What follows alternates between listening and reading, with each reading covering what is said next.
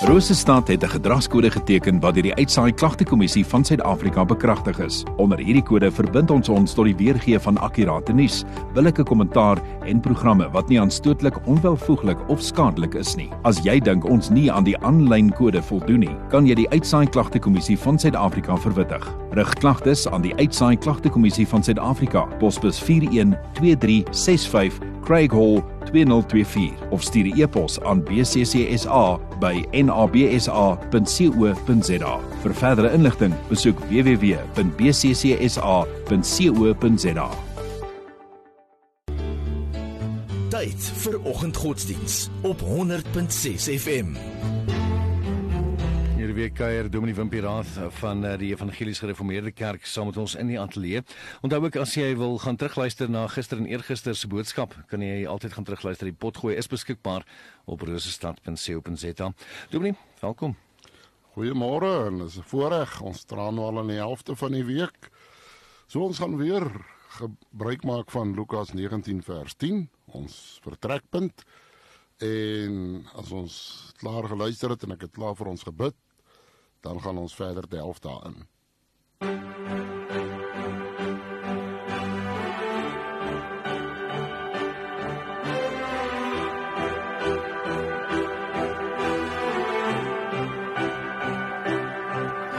Daar's 'n plek waar jy weet opraak en jou longe vol met krete van angs. Mm, hy weet. Daar's 'n plek waar jy vra jou gees sal en jou sekerheid soos dryfsand voel. Mm, maar hy weet. So raak stil vertrou raak stil vertrou raak stil vertrou. Want jy stil te wys vir jou God is. Hy weet as jy sien maar is is jou geloof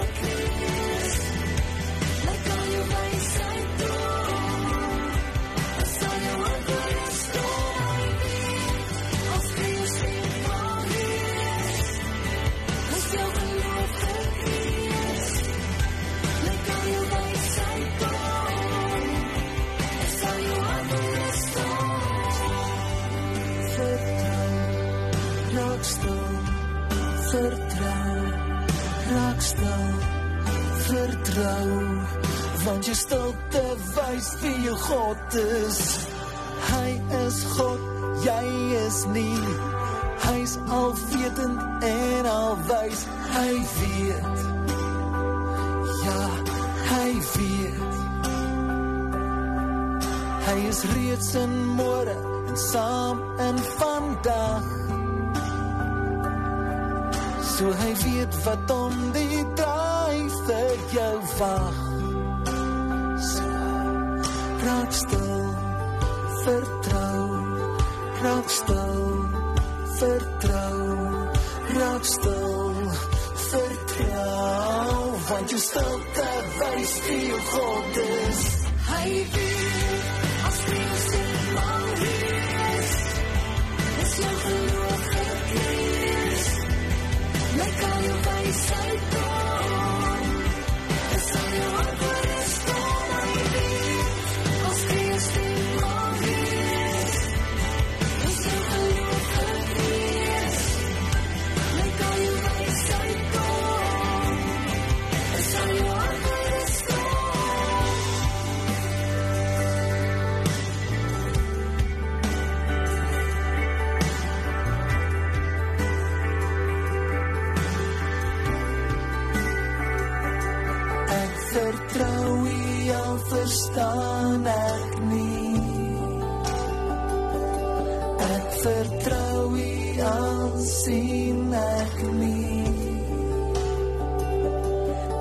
vertrou U al weet ek nie.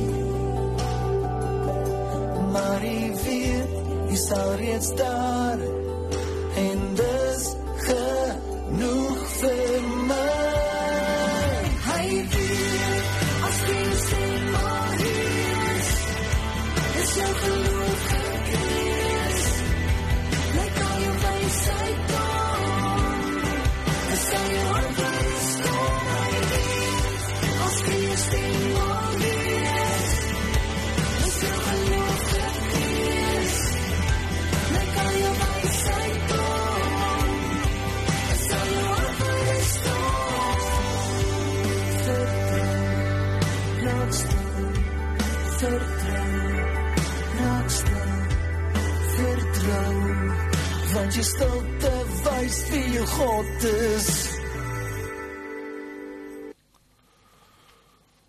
Kom ons bid saam.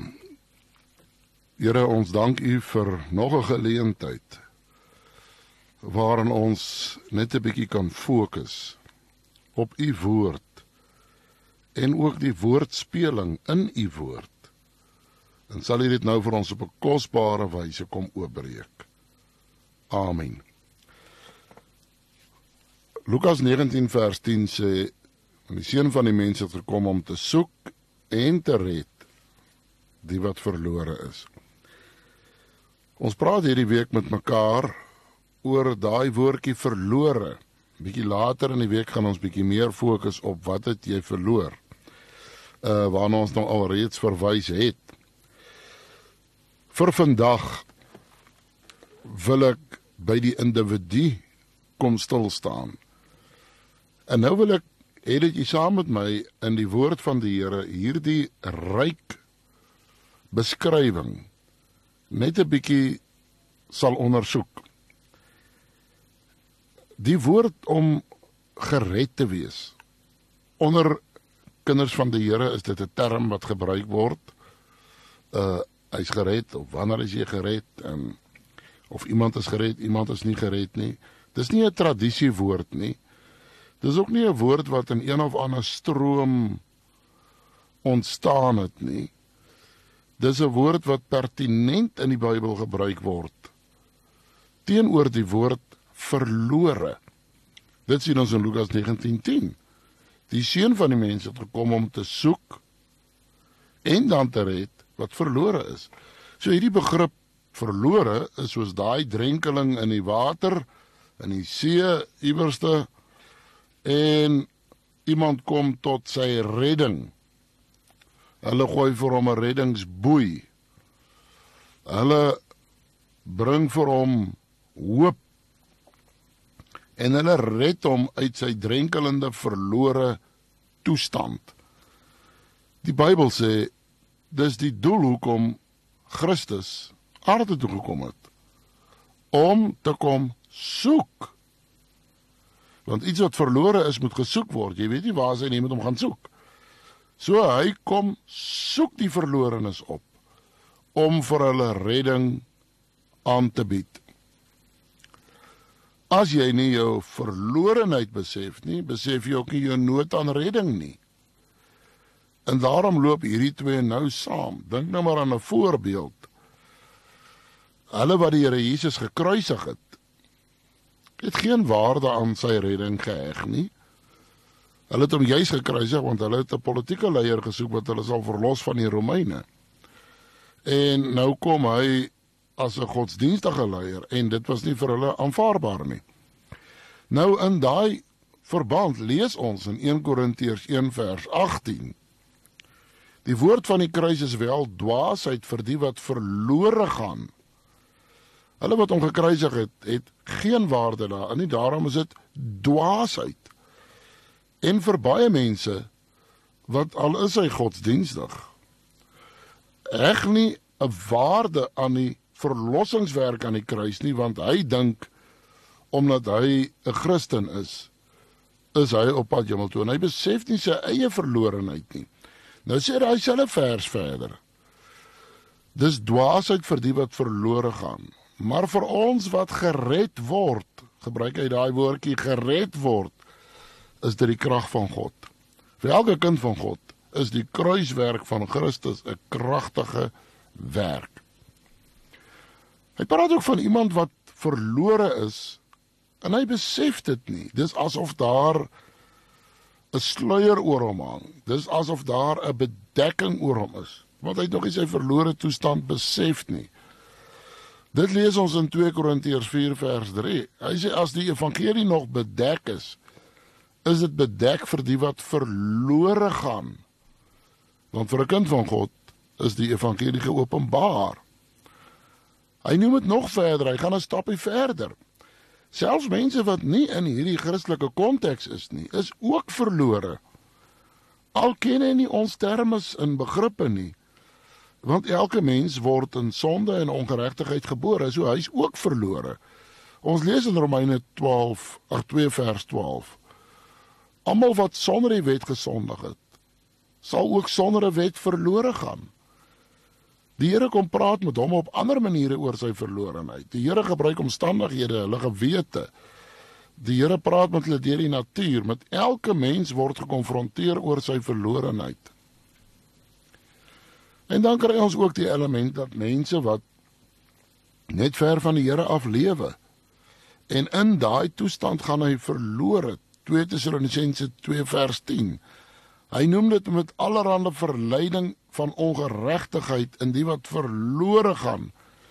En dan sê hy, hoekom bly hulle verlore? Omdat hulle die liefde tot die waarheid nie aangeneem het en dan gebruik hy hierdie woorde om gered te word nie.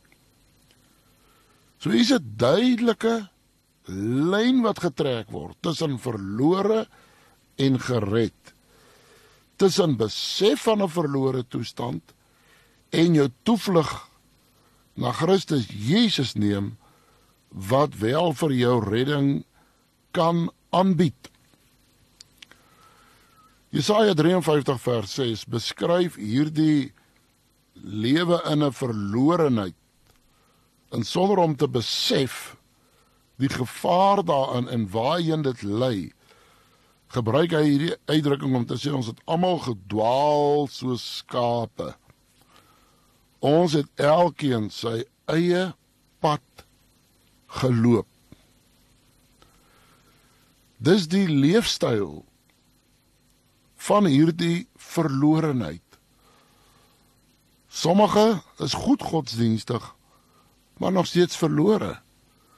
Andere is goddeloos en ook verlore. Ons het gedwaal soos skape. Ons het elkeen sy eie pad geloop. Maar nou kom die goeie nuus.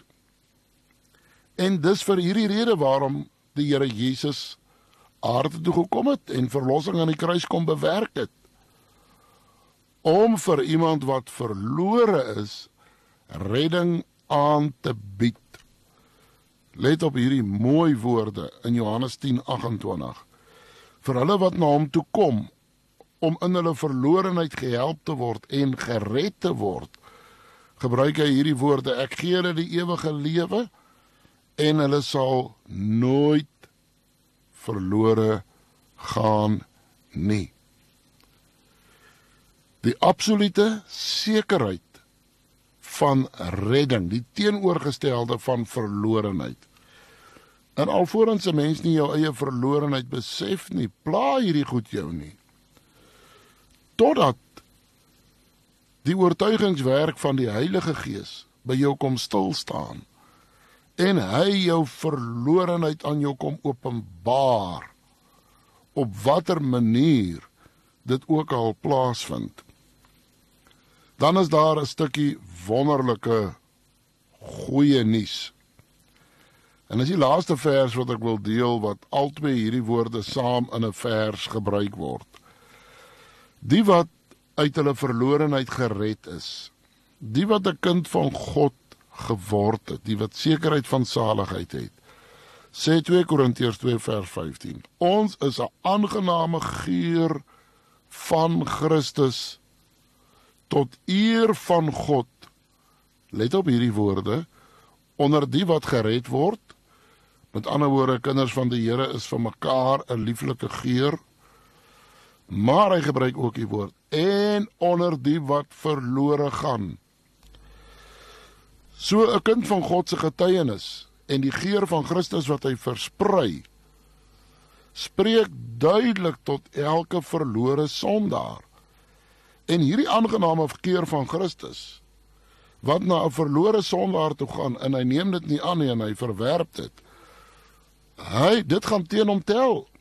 Hy gaan daarop met rekenskap gee voor die Here. Oor elke ene wat sekerheid van saligheid gehad het en juis met hom kom praat het oor sy verlorenheid. Al het hy dit hoe weggeredeneer en geargumenteer daardie persoon se getuienis sal teen so iemand tel. Jy het gehoor, jy het die evangelie gehoor. Dit het na jou toe gekom. Jy die reddingsboei van jou af weggestoot. Vir elkeen wat vanmôre en wil ek hierdie woord gebruik gered is, wees die aangename geur van Christus onder die wat gered is en onder die wat verlore gaan. Kom ons bid saam. Dankie Here vir u kosbare woord. Dankie vir die redding in Christus Jesus. En dankie vir elkeen wat daarvan kan getuig en dit kan uitleef en 'n instrument in die hand kan wees. Sal hy ook deur hierdie woord vanmôre u wonderlike oortuigingswerk kom doen van verlorenheid waarin ons gebore is en die redding wat u wil bied. Amen.